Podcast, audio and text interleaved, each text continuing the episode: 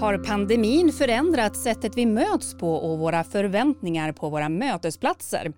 Vad tar vi med oss för bra kring digitala mötesplatser och hybridmöten och vad vill vi absolut lämna bakom oss?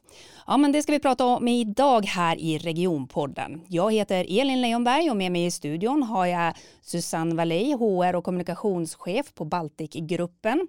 Thomas Hartzman, chef för externa relationer och strategisk platsutveckling på Region Västerbotten och Marlene Johansson, forskare vid RISE. Och med oss på länk har vi också Niklas Bromark som är länsidrottschef på RS SISU. Välkomna till Regionpodden. Tack. Tack så mycket. Tack så mycket. Tackar. De sista månaderna sedan restriktionerna släpptes så känns det som att vi verkligen har gasat på och tagit i. Folks kalendrar är fyllda av möten av olika slag. Hur upplever ni den tid som vi är i just nu? Är det fullt? Ja, det är det. Det blev lite kosläpp faktiskt när, när restriktionerna släppte, men det är så otroligt skönt att vara tillbaka. Eh, men med utmaningar, absolut. Som du säger, med bokade kalendrar. De var bokade under pandemin också, men då var det möte på möte på möte i digital form. Nu får man ju ändå variera lite grann. Mm. Vad säger du Thomas? Ja, alltså det är ju så, det håller jag med om. Det är lite grann eh, ett bekymmer. Det gamla, det gamla synsättet att det skulle vara väldigt mycket fysiska möten och ett väldigt mycket resande åt alla håll eh, ersattes ju med de digitala efter varandra. Och sen så kommer det som nu en en hord med, med, fysiska möten som också samtidigt ska vara digitala. Alltså man, både hybrider och så sen ett lager däremellan. Så jag vet inte, det, kan bli, det blir lite hysteriskt kan jag tycka. Inte hållbart. Mm. Är det samma i forskarvärlden? Eh, ja, jag, men jag känner att jag mår mycket bättre. Eh, jag känner att när jag går tillbaka till den fysiska världen eh, jag var mer spänd när jag satt hemma i cross-i-cross-möten. Mm. Eh, för att det ska vara effektivt. Man, ja, man blir fyrkantig på något sätt. Eh, och känner mig mycket lugnare nu med fysiska möten. För då kan man prata så här och jag mm. förstår vad du säger. Eh, och, och, man kan ta in andra. Eh, och man kan ta det lite lugnare. Mm. Mm. Jag, jag, håller med. Och sen just det där när du sitter i de digitala mötena också. Jag upplevde att och fortfarande när jag sitter i dem, men inte lika mycket nu, men det, det här intrycket som, som jag får av, av människorna jag sitter med, kontra människan bakom skärmen. Och sen det här ner med skärmen, eh, överdriver då, för det, jag slänger ju inte ner skärmen varje gång efter möte, men och sen in i nästa. Så, och absolut inga intryck. Det var det jag kände ju längre pandemin gick faktiskt. Så jag håller med, det jag, jag tycker jag lever upp mycket, mycket mer nu när vi har fått gått tillbaka till mer fysiskt. Mm. Vad säger du Niklas? Du sitter ju faktiskt här på skärm idag. Jag gör det. Det är lite symptomatiskt faktiskt. Jag, jag kan hålla med eh, det, det, det, det ni säger. Samtidigt så är väl min reflektion för min egen del att den balansen jag hade i livet under pandemin, den har inte varit så bra på 25 år. Eh, för att jag, det var massor med resor jag inte gjorde. Och, och, det är väl en av slutsatserna jag har tagit med mig att, att kanske i den mån jag kan påverka, reser lite mindre och att jag faktiskt är noga med att ha några dagar hemma. Eh, för att jag, jag, både jag och min familj mådde bra av, av den där balansen. Sen kan jag hålla med om att, att det fysiska mötet, och det, det är ju verkligen kosläpp som, som Susanne sa. Eh, och det är dessutom mycket som är uppdämt. Alltså saker som inte har skett, som, som man inte hunnit med, som man vill trycka in nu. Vi har flera sådana uppskjutna grejer eh, från, från både höst och vinter som, jag har hunnit, som ska hinnas med nu under maj-juni. Så det, är lite smått, det är lite smått hysteriskt. Mm. Vi blev ju inkastade i den här digitala världen väldigt plötsligt. Eh, och många pratar ju om att vi förflyttade oss tio år framåt i tiden eh, på bara några månader. Hur tycker ni att det har varit att samverka de här sista åren? Vad säger du Marlene? Eh, ja, men det finns ju fördelar naturligtvis att man kan samverka med om man har samarbetspartners runt om i Europa. Det, det, alltså, världen har ju blivit mindre. Eh, men jag upplever alltså samtidigt så är det ju också ett stort, både när man kommer tillbaka men framförallt när man var i, i pandemin, det här med självledarskap och verkligen behålla balansen eh, och ge sig själv den där tiden, att man har lite ställtider mellan möten, eh, se till att man också tar hand om sin kalender för det är lätt att boka upp varandra kloss i kloss eh, och så är man inne i det här ekorrhjulet och snurrandet så när man klockan fem på dagen så är man väldigt uppe i varv och känner att man fortfarande inte har gjort någonting. Eh, så det handlar nog kanske mycket om självledarskapet också och försöka få den där strukturen för att uppnå balans. För det är klart att eh, med familj och kunna vara hemma och vara mer närvarande där eh, har ju också gett mycket tillbaka. Mm. mm. Thomas, du eh, jobbar med externa relationer och samverkan. Det här är liksom ni, helt plötsligt står ni inför en helt ny situation där ni ska försöka få alla de här olika aktörerna att samverka digitalt. Hur har det varit? Ja, men jag tänker så här att eh, det är egentligen fel att använda ordet påverkansarbete som vi ofta gör. Då pratar vi liksom om lobbying och påverkansarbete och så vidare. Och ibland använder vi intressebevakning, det låter för passivt. Och man kan tänka vem är det som vill bli påverkad och, och så vidare. Om intresse låter bara som att man följer någonting. Eh, det handlar om relationsbyggande och tillit. Att kunna fördjupa och bygga relationer. Och i de processer vi som region är ju verksamma tillsammans med våra partners eh, i så många olika processer som vi vill där det ska gå bra för norra Sverige. Och när vi då försöker göra det så, så har vi använt mötesplatser som ett instrument för att kunna bygga tillit och för att kunna närmas, närma sig varandra. Om vi nu pratar platsledarskap exempelvis mellan politik, näring, akademi, civila samhället. Och eh, när pandemin kom så hade vi, skulle jag vilja säga, vi kunde fortsätta väldigt bra. Där vi hade byggt sådana relationer och där vi hade byggt tilliten. Då kunde vi fortsätta därför att en, en eh, ansvarig för transportkorridorer i Bryssel som känner oss, har blivit vän med oss och som kanske har varit med oss i Almedalen eller någon annanstans. En sån person har inga problem att ställa upp. En sån person har också tillit och vill. Medan den som vill distansera sig har ingen anledning. Mycket lättare bara tack men nej tack. Jag har ingen, varför ska jag, varför, sorry men jag känner inte er. Och där kan jag känna att vi har kunnat jobba vidare och bryta ny mark på områden där vi redan fanns. Men mycket, mycket svårare skulle jag säga att bryta ny mark på områden där vi behöver bygga. Och bygga nytt. Och bygga nya relationer. Det är väl min känsla på något sätt. Hittade ni något sätt att eh, hantera det här på under de här åren? Ja, alltså delvis. Därför att när du väl lyckas hitta common ground, om du kan hitta en orsak för oss att eh, att mötas, att resonera, så kan du alltid ta en one-to-one, eh, liksom fördjupat samtal med en person. På samma sätt som du kan göra i en styrelse, fördjupa kanske med en ledamot bara som behöver veta mer vill fördjupa någonting. Och så sen ska du få samverkan i hela gruppen och bli bättre tack vare att du gör det. Det vill säga, människor behöver olika för att det ska, de här relationerna tillsammans ska kunna bli det här laget som vi behöver. Och det tycker jag nog att vi laborativt har kunnat hitta metoder för att kunna göra. Men vi har mycket kvar att lära. Mycket kvar att göra. Men jag är glad över det här som Marlene pratar om, balansen. Att kunna få till, för det känner jag också, eh, styrningen av kalendern är, är jätteviktig. Och, men metodiken för att kunna bygga relationer med personer och fördjupa relationer, det skulle jag vilja säga att det är Teams och Zoom räcker inte alltid till. Det, det är så. Mm. Vad säger du Niklas? Du sa här nyss att du eh, inte vill resa lika mycket. Hur känner du kring just den här tillitsfrågan och nya relationer? Nej, men alltså till att börja med så vi hade lite tur på RFC. vi hade haft ett temaår 2019 som hette digitalisering. För vi ville ta ett språng med vår personal och, och bli bättre på digitala arbetssätt. Eh, och, och, vi har nog också lite draghjälp av att vi finns på fem ställen i länet. Alltså för att hålla ihop vår organisation så behövde vi liksom behärska det här. Och, och det, det där temaåret till slut, slut det som redovisade kröt knöt vi ihop i början av februari 2020. Eh, så att den timingen var ju galet bra. Eh, vilket gjorde att vi, vi som organisation, vi var ganska redo för den pandemin som kom. Och jag skulle nog säga att det som hände det var att väldigt många andra organisationer, våra moderorganisation i Stockholm, men också de föreningar som vi är till för att, för att liksom hjälpa i vardagen, de har kommit ikapp. Eh, de, och, och, och jag kan, kan, snarare känna att, att det, vi har fått fler att prata med och det blir enklare på det sättet. Eh, vi var ganska tidigt på frågan att säkerställa liksom de här det demokratiska fundamentet i vår rörelse, det vill säga genomföra årsmöten. Eh, så vi har pumpat på med digitala årsmöten för våra föreningar och förbund och för vår egen del. Och vi insåg att alltså, det måste vi göra. Alltså, det är någonstans i lägsta nivån.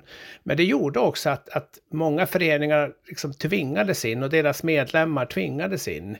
Eh, och en förening är ju en, en, medlemmarna är ju som ett tvärsnitt av samhället. Vissa jobbar med det här, vissa är det helt naturligt. Men andra är ganska långt ifrån det här i vardagen. Och då blev deras ideella engagemang liksom ett, en, en annan väg in i det. Eh, Eh, sen har ju vi lärt oss under de här ja, nästan två åren då att jobba aktivt i samverkan. Jag kan känna igen det Thomas säger om att det är ju liksom enklare när vi har en etablerad relation. Men, men vi samarbetar ändå med en mellan ja, ett normalår 450 föreningar, säg under pandemin då kanske något mindre, men ändå mellan 350 och 400 föreningar varje år som vi har en relation med, som vi samarbetar med. Och, och under pandemin så blev ju det digitalt. Eh, inte optimalt, men ändå fungerande måste jag säga. Och, och en hel del saker att, att ta med sig ifrån. Mm. Vi ska prata om det just vad man tar med sig alldeles strax. Men först tänkte jag Susanne, eh, hur, hur har det funkat i er bransch med att liksom, skapa nya relationer under den här pandemin?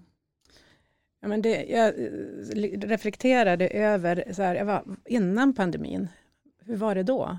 Alltså det digitala som kom där i mars, det är som att det har alltid funnits. Det, det, är den känslan jag har. Jag kommer inte ihåg hur det var innan. Men jag håller med det Thomas säger om tilliten. Visst, om man tittar dels på vår organisation. Vi har ju kommit fram till, ju längre pandemin har gått, vi behöver träffas för att det ska ske utveckling, för att hitta det innovativa. Eh, det funkar över en, liksom en liten tid. Eh, och att man kan ha hybrida hybrida lösningar på det.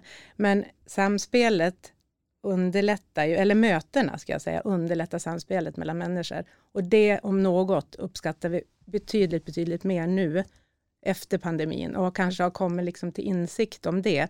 Eh, sen så tänker jag också på det Niklas säger om, om, om balansen. Eh, jag tror att vi, när vi gör hemläxan och börjar reflektera lite längre fram så ska man ta med sig det som ändå har varit positivt under pandemin, att vi har fått den här balansen. Jag säger inte att pandemin har varit positiv, men när du går i det här ekorrhjulet, hela det bara snurrar på.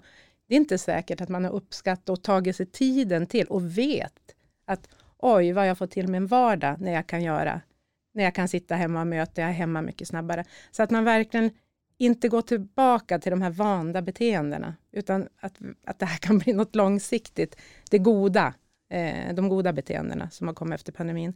När det gäller våran bransch så det är klart, vi möter ju mycket människor. Vi är ju ett fastighetsbolag eh, och Thomas sa det, det är de eh, upparbetade relationerna som man hade sedan tidigare. De har ju varit mycket, mycket enklare att, att underhålla. Eh, det är svårare eh, när man inte har setts tidigare och sen återigen ses bakom en skärm. Så. Eh, men jag tycker ändå det har funkat bra. De här åren har inte varit, det har, det har rullat på.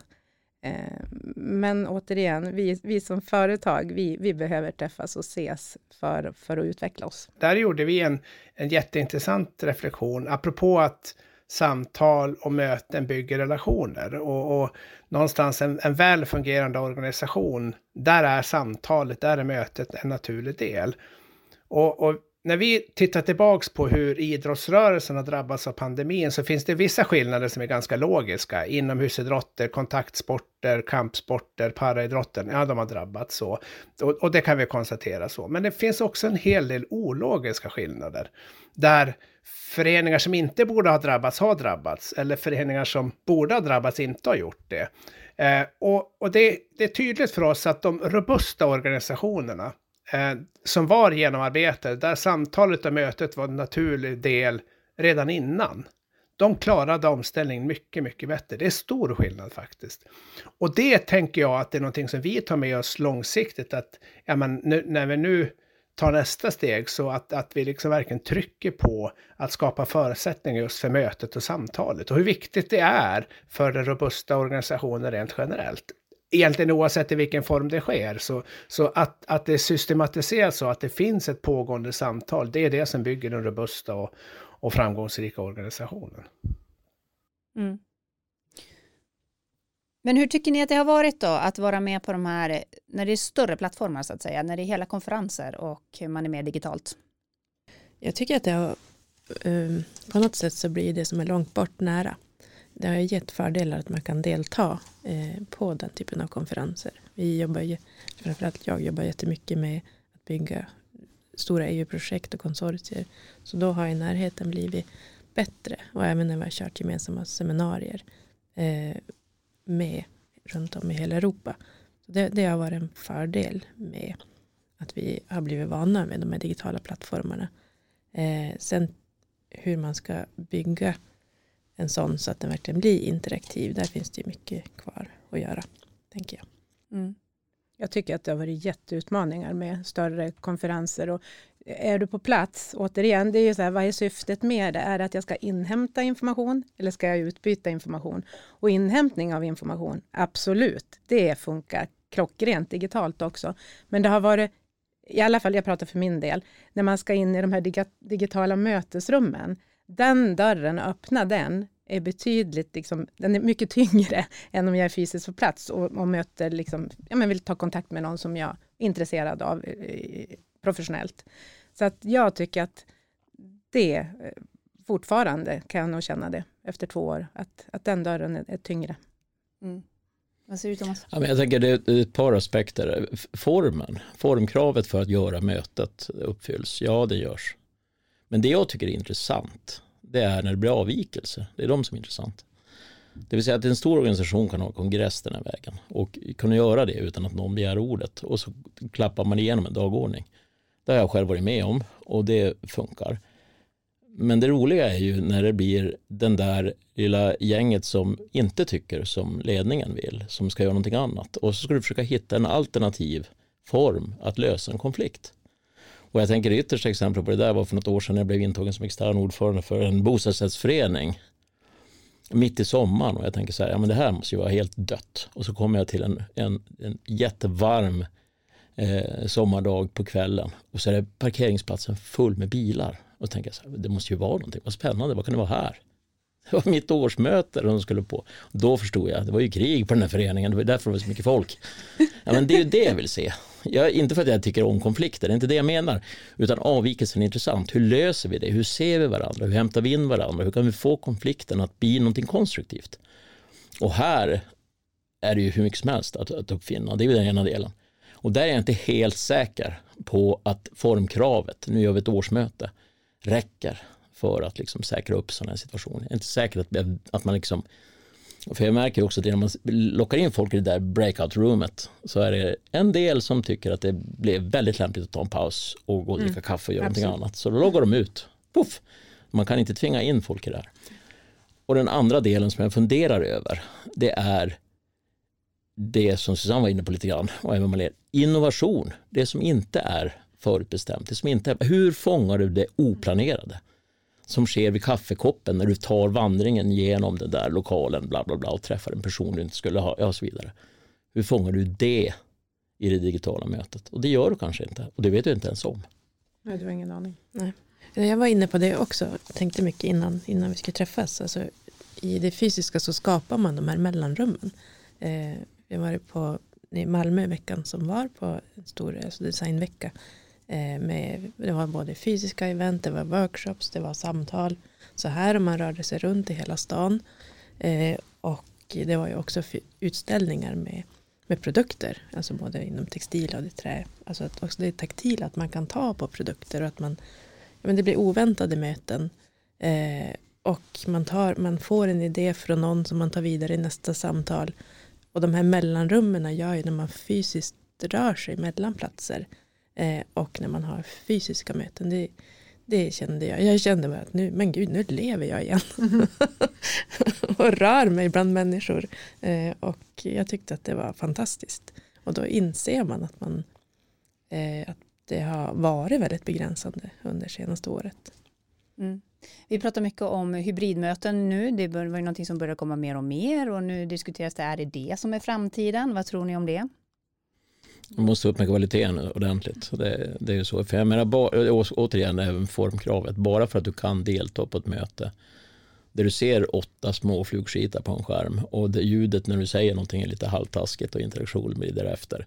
Så har du formellt sett varit där fast digitalt. Och det godkänns ju numera som faktiskt fullgod närvaro så det är inga som helst problem. Och du kan hantera ett sjukt barn till och med den vägen. Genom att du kan vabba samtidigt, om det nu är så eller vad det nu är för någonting i ditt livssystem som du ska försöka få till. Men har du varit där på riktigt? Var det på riktigt? Det kan vi fundera. Och hade du fått till den där riktiga känslan, interaktionen? Jag vet inte. Det innebär inte att jag tycker det är dåligt att vi gör det, tvärtom. Det är jättebra att vi kan klara det, men vi behöver vara vaksamma. Och så får vi investera lite grann i de här möteslokalerna om vi nu ska få till hybriderna så de ska vara gångbara på något sätt. För annars är det, det är tungt alltså. Mm. Niklas, vad säger du? Nu får du vara lite case här, för du sitter ju här då. Vi sitter och tittar på en skärm och du sitter och tittar på oss som små prickar här på andra sidan. Hur känns det att inte vara en del av det fysiska rummet? Nej, men inte ni små prickar. Jag ser ju er jättetydligt. eh, nej, men Nej men visst är det så. Alltså jag håller med om mycket som är sagt. Jag, jag tror egentligen inte att vi ska ställa de här mötesformerna i kontrast emot det fysiska mötet. Det precis som Malena är inne på. Ja, men det är ett, liksom, ett väl genomfört fysiskt möte, precis just med mellanrummen och allt det. Ja, men det kommer ändå vara överlägset. Eh, men med det sagt så måste jag för det första eh, tillstå att jag tycker att Eh, Eh, många digitala möten faktiskt har överraskat mig i vilken kvalitet de har hållit. Det ställer helt andra och nya krav. Eh, det, vi, eftersom vi är ett studieförbund så är det här mycket som vi har hållit på med, att försöka utveckla oss på att ha riktigt bra digitala möten. Och det ställer krav på tekniken som Thomas var inne på, men det ställer också krav på metodik och, och, och planering och, och, och sådär. Eh, så att jag, tycker att vi liksom, jag tycker att vi har tagit ganska stora steg i de digitala möten. Om vi då kommer till hybridmötet, eh, så är det, om det är någonting vi har lärt oss, att det är ju det absolut svåraste. Eh, det är ju svårare än det rent digitala. Eh, och, och, jag tror vi alla har erfarenheter av riktigt dåliga hybrida möten. Eh, men också med det sagt då, jag har, vi har, jag har tränat en del på, vi har gått, liksom utbildat varandra, vi har tagit in liksom intryck från andra håll. Jag tycker att vi lyckas få till rätt schyssta hybrida möten nu. Vi har investerat i lite utrustning, vi har utvecklat vår metodik. Eh, och, och, vi har nog dessutom lärt oss att det är liksom inte ett hybridmöte, ett hybridmöte är liksom inte bara en form. En, ett, ett alternativ som vi har använt en hel del, det är när man har fysiska möten, eh, grupper eh, spridda över en större yta som, som träffas och har sitt fysiska möte, har sitt gruppsamtal, har sin kaffeapparat, alla mellanrum, allt det där. Men man kopplar ihop dem eh, för att ha gemensamma reflektioner, för att ha gemensamma eh, eh påfyllnad med föreläsare. Det är också ett hybridmöte. Eh, och ett ganska effektivt hybridmöte. Det har vi gjort i, i, i flera olika, som skapar helt nya möjligheter. Eh, eller för den delen ta in den här externa föreläsaren som man bara kan drömma om. Ifrån, jag, menar, jag, jag var med på ett, ett möte med, med en ideell organisation som hade en, en, en föreläsare från, från, från San Francisco med. Eh, som vi kopplade upp oss emot. En jättebra föreläsning, väldigt inspirerande. Ja, vi satt ju fysiskt i det rummet, men han var med på, på, på, på Zoom då. Och det är också en typ av hybridmöte. Så att det har vi också lärt oss att det finns massa olika konfigurationer, ska jag använda uttrycket, av hybrida möten. Eh, men sammantaget så bygger det på att man måste göra läxan, man måste träna på det eh, och man måste liksom jobba hårt för att det ska bli bra. Det kommer inte av sig självt. Mm. Har ni andra varit med om några delar kanske av ett hybridmöte som ni känner att den här grejen var riktigt bra, det tar jag med mig? Tystnad. Oj, det var svårt. Men alltså jag tänker, eh, det, jag håller med Niklas, alltså det är ju inte så att det ena står mot det andra här, utan det blir ju nya steg framåt. Vi kommer aldrig tillbaka till den värld som de var tidigare. Och det är en förändring, den kan ha varit skitjobbig, men den är nödvändig. Och den, framförallt så sätter den ju punkten, eller pekar den ju på att vi har ett ansvar. Att det är inte liksom slumpen som styr det här, vi kan bygga det och vi kan skapa det och vi kan också försöka använda en metodik och en planering för hur vi designar den här upplevelsen som vi har att göra. Eller så ser vi bara mötena som något som kommer i kalendern och så sen så blir det och så var det inte mer med det. Och det är ju mycket bättre ifall vi kan välja den andra varianten och också titta på hur vår boendemiljö utformas eh, som kan ge helt nya möjligheter. Och där kan jag ingenting om jämfört med vad Baltinkgruppen kan Eh, exempelvis, eller Marlene för den delen. Så att eh, här finns det liksom också otroligt mycket annan kunskap som vi nu kan jacka in i, som vi kanske har haft tidigare, men som vi får vrida om på ett helt nytt sätt. Och eh, rörelserikedom och Niklas, alltså här finns ju också dimensioner. Ska du bara bli sittande nu eller och så vidare. Ehm, så självledarskapet och hur vi ska få till de här delarna. Ja, jag har varit med om hybrider som har varit helt bedrövliga, men också precis det där, alltså kunna få åt kompetens från annan plats. Samtidigt som du kan göra reflektionen tillsammans i liten grupp i en nod. Eh, det är ju en sån här briljant del. Mm. Jag tycker också att många hybrida och digitala möten också varit duktiga på att bygga mötesupplevelser före och efter.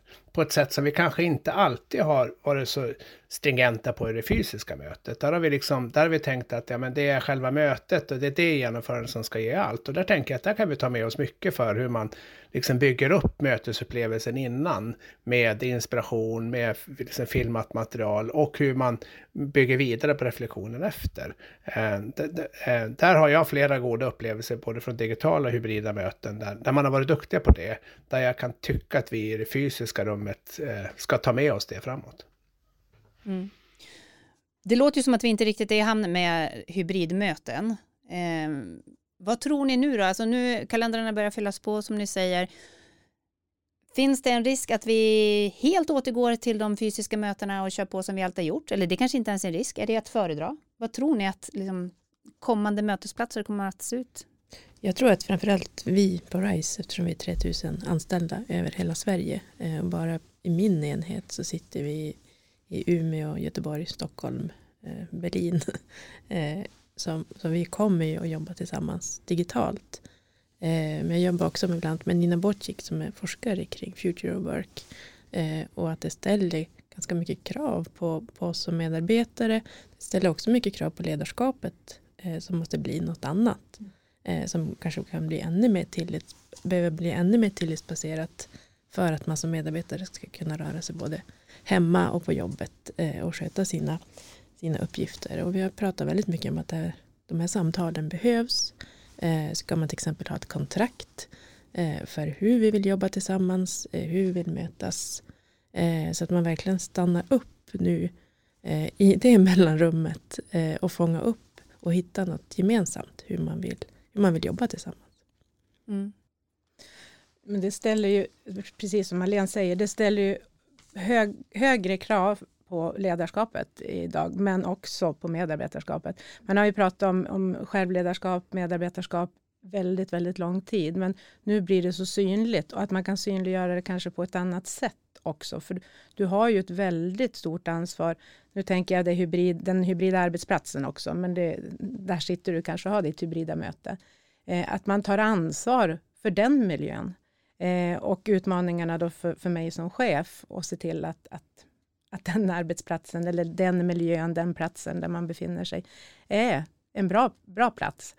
Eh, men sen jag tror inte, som svar på din fråga, att vi kommer till återgå till helt fysiska möten och det tror nog ingen här. Vi återigen tar med oss av det göttaste som har varit och att vi har lärt oss. Det gick ju väldigt fort att bli digitala, måste jag säga. Man tittar på beteenden, säger man, det tar tid att ändra beteenden. Man, I ett ledarskap ska man inte använda piska och morot. Men här blev det ju tvång som gjorde att vi alla var tvungna att ta ansvar. Och det tycker jag är superintressant. Och sen också, vi vet ju inte de här goda bestå, om, om de goda beteendena är bestående. Det får vi ju se, se framåt hur, hur det ser ut. Men på något sätt så känns det som det har gått två år eh, och vi har tagit med oss mycket positivt av hur vi kan arbeta, vilka olika mötesplatser vi kan, kan vara på, hur vi kan ha mötesstrukturer på jobbet. Och jag tror också att vi har lärt oss att ställa lite högre krav på de möten som vi deltar i faktiskt. Så syfte, varför? Varför finns vi med i det här mötet? Mm. Jag reflekterade lite grann, jag fick en, en uh, ledde ett sammanträde på distans där jag hade några, några i gruppen som var i Stockholm. Och så sen så frågade jag av en händelse efteråt en av deltagarna som var där. ja men hur var det här mötet då? Och eh, ja, sen det var ju jättebra, det var inga problem med det. Men det bör nog vara lite vaksam på de här två tjejerna för de gillar inte varandra. Va? Nej, det var suckar, det var stönar, det var blickar. Det fanns, här finns någonting som vi behöver titta på. Och jag hade inte märkt ett jota, jag märkte ingenting. Alltså nyanserna i allt det där, det var inte uppenbart för mig när jag var på skärmen. Så därmed inte sagt att man inte ska kunna ha den typen av möten, utan mer det som och jag tycker nog att det är ett väldigt fint ord som börjar kristalliseras, kristalliseras fram här utifrån vad, vad vi säger, så nämligen ordet ansvar. Som du nämnde flera gånger också Susanne, nämligen det att det är ju så. Att, att hur ska jag ta ansvar för mitt ledarskap på distans på det sättet? Jo, jag kan ju nöja mig och så var det inte mer med det. Men här fanns någonting som jag behövde jobba med och fråga upp. Och eh, det tycker jag var intressant. Men det där är för, jag, jag, det har också varit med om det där. Alltså du, på en skärm, du ser ju verkligen, du ser blickar, du ser, liksom, du ser nästan suckarna. Så det har jag upplevt, men när det är många i möte är det svårare. Men att man glömmer bort nästan att jag syns när jag sitter där, där vid skärmen. Eh, jag kan börja pilla på med annat, men man ser ju verkligen, man ser verkligen det. Men ur arbetsgivarsynpunkt kan det också finnas svårigheter tänker jag, att fånga upp om någon mår dåligt? Absolut. Men där måste du, Niklas säger vinkar, jag måste bara få säga, du måste, du måste försöka hitta metoder för att fånga upp det. Ha med, avstämningar med medarbetaren och vi har alltid haft, ha kameran på. Den oavsett liksom så ska kameran vara på. Mm. Niklas? Nej, men jag, jag, jag tror som övriga att det finns, inget, det finns ingen väg bakåt den enda vägen är framåt. Eh, och det är ett helt nytt läge eh, som, som vi har efter pandemin. Det, det, och det tycker jag vi känner redan nu. Det, alltså, det var som någon sa här i inledningen, kommer man ens ihåg hur det var innan? Eh, eh det jag i tillägg då till ledarskap, ansvar och medarbetarskap som ni så klokt resonerar så, så tror jag att så här, värdering av mötesformer kommer bli väldigt viktig. Och att man är lite tydlig med det också. För det, det har också blivit något sånt här, en, alltså det går säkert att koppla upp sig i det här styrelsemötet eller i det här, vad det nu är. Eh, och det har nästan blivit lite, nästan lite nonchalant på en del ställen att man, alltså att man förväntar sig att det alltid finns en möjlighet att koppla upp sig. Det där tror jag man behöver vara ganska tydlig med att nej, men det här är ett fysiskt möte. Punkt. Eh, och eh, och värdera möten utifrån innehåll och mål och syfte. Och det tror jag vill, vill egentligen tjäna på rent allmänt, för det behöver vi alltid vara duktiga på att göra och det kanske vi inte alltid har varit tidigare. Här blir ytterligare en anledning till att göra den värderingen, att, att, att fatta aktiva beslut, att göra aktiva val kring vilken mötesform ska vi använda för, för, för vilket tillfälle. För att, att det digitala mötet har tillfört mycket effekt hos oss, det är ingen snack om saken och det, det ska vi ju inte tappa. Eh, den, den flexibiliteten, den räckvidden som Malene är inne på eller, eller eh, liksom den till, tillgänglighetsaspekt. Det är klart att vi ska fortsätta med det, men, men, men vi, vi, vi behöver göra både och. Jag tror att det, akt, det aktiva valet är det viktiga. Mm, jag håller helt med. Det, det, är verkligen att man liksom tar så vi, vi resonerar så, vissa möten de är fysiska. Eh, men då måste man ju också, återigen, vad är syftet med, med mötet? För att Eh, det blir svårt, eh, upplever jag, upplever vi, att när du har den hybrida, mötet blir oftast i rummet, om det sitter bara någon på, på distans. Och då är det ju återigen, vad är syftet med, med det här? Är det inlyssnande eller är det utbyte av? Och jag tror våga, våga ställa liksom det kravet, att det här har vi fysiskt, det här är helt okej okay att köra hybrid, eller att vi bara har det digitalt. En sak som vi började med, och det tror jag mest var en slump faktiskt, det var att vara personalmöten som jag brukar köra 10.03 förut på onsdagar. Inte 10.00 eller 10.15 utan 10.03 kör vi igång. Eh, har vi alltid incheckning av läget naturligtvis. Och sen har vi alltid utcheckning också. Och utcheckningen handlar om hur var det här? Kom du till tals? Finns det någonting vi ska ta med oss? Finns det någonting som gick fel? Finns det något vi kan förbättra? Eh, och det behöver inte vara liksom något fantastiskt gigantiska utvärderingar, men att kunna röra sig på makronivå. Om nu allting är system och processer, även den här typen av mellanmänsklig interaktion, så behöver vi tillsammans hjälpas åt att korrigera och utvärdera utan egentligen hard feelings, eller det är inte kritik, utan egentligen blev det här så bra som vi ville? Nej, jag känner att det här var skit. Jag kom verkligen inte till tals idag. All right, vad gör vi åt det då? Och det måste man kunna prata om. Vad gör du det annars? Mm. Hur undviker man då att det blir två läger? För på ett sätt så ökar ju tillgängligheten som ni har varit inne på och det finns många fördelar med det hybrida mötet. Å andra sidan så kan det ju bli just uppdelningar. Det är de som är med digitalt eller i värsta fall den som är med digitalt och de som är i fysiska rummet. Hur får man liksom så att det inte blir två läger utan att en enhet? Jag, jag, tycker det är ett superenkelt knep, men alla oavsett om du har, vi, vi sitter här nu Niklas på, på, på länk och vi hade haft en, en, en dator. Alla har liksom mötet i datorn oavsett, så att den som sitter utanför rummet känner sig delaktig i. Det är en superenkel, eh, symbolisk, eh, li, liten, liksom, liten hjälp för mötet.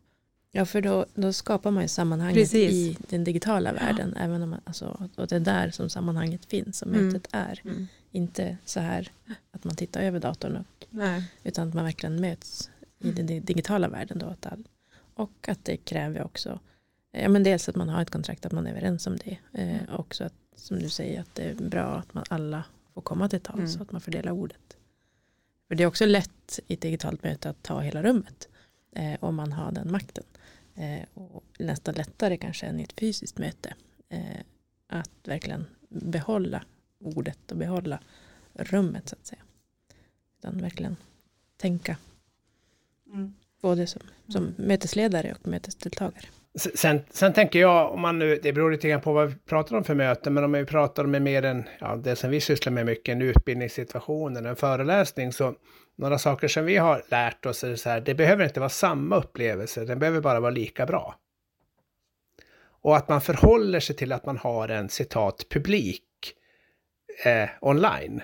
Och att man kanske behandlar dem alltså ger dem lite grann extra omsorg. Eh, man, jag vet att vi slängde oss med ett uttryck, tänk Vinterstudion. Tänk att när man släpper ut dem som är i lokalen på fika så tar man, behåller man liksom den online-publiken en stund och, och, och, och, och eh, har ett samtal med dem. Och att man beskriver, är noga med att beskriva sånt som händer i, i, i salen och, och se till att man är med och att man tilltalar dem direkt och kanske ibland tilltalar dem först. Alltså sådana små, små knep eh, för, att, för att eh, man ska känna sig mer inkluderad och för att det ska liksom funka. Ehm, det, det, har vi lärt oss på vägen fram. Ehm, men det är just för den typen av situationer, det kanske inte är personalmötet vi pratar om då. För då kan jag nog snarare vara inne på det som ni var inne på i studien, att det nästan är bättre att vara en sitter vid sin dator. Ehm, så. Mm. Thomas, eh, nästa avsnitt ska handla om en av alla dessa mötesplatser som vi har, nämligen Mötesplats Lycksele. Vi kommer finnas på plats med regionborden där och eh, sända. Kommer vi att se några förändringar eh, för strukturen på Mötesplats Lycksele utifrån det vi har pratat om idag? Mm, ja, Lycksele, eller Mötesplats Lycksele kommer i år tror jag att bli en, eh, dels en tankepaus. Den behöver fundera, jag ska tänka en tankesmedja kanske man ska säga eh, stanna upp lite grann och vara lite lågfrekvent och fundera över vilken typ av mötesplats vi vill bygga de kommande tre åren. Hur ska den se ut? För vi tror att mötesplatsen som sådan är viktig och det är Niklas var inne på lite grann det här med att man också kan se före, under och efter och hur man kan jobba med mötesplatser. Mm, så, så bär det ett pärlband av mötesplatser och där är en sån viktig. Den andra delen handlar om den gröna omställningen. Vad ska hända? Vad händer egentligen i norra Sverige? Fokus är det här. Så att ja, det är mycket spännande, men det kommer att bli en hybrid. Det blir en, en sån variant i år och det ska vi laborera med att göra riktigt bra med ett par väldigt intressanta, eller flera väldigt intressanta föreläsare som kommer att kunna förflytta oss lite grann. Mm. Avslutningsvis då, eh, om ni får drömma lite grann utifrån de erfarenheter som ni har tagit med er nu från de här åren och så blickar vi framåt eh, några år.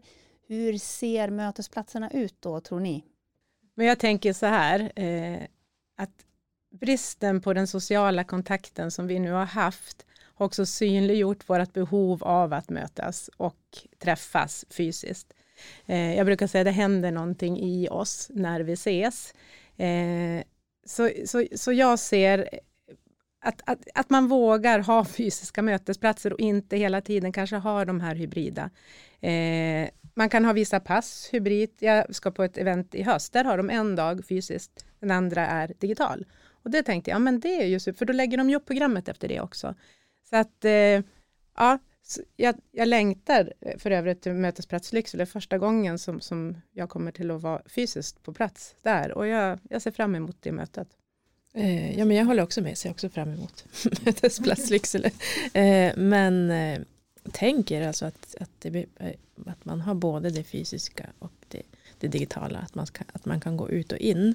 Eh, men för det hybrida, den hybrida mötesplatsen, den hybrida konferensen, finns det som sagt mycket innovationsmöjligheter. Att göra den mer balanserad och mer inkluderande. Mm. Niklas? Nej men alltså jag ser fram emot lite olika saker. För det första ser jag fram emot att slippa åka på dåliga möten över dagen. Så dåliga möten på Arlanda över dagen.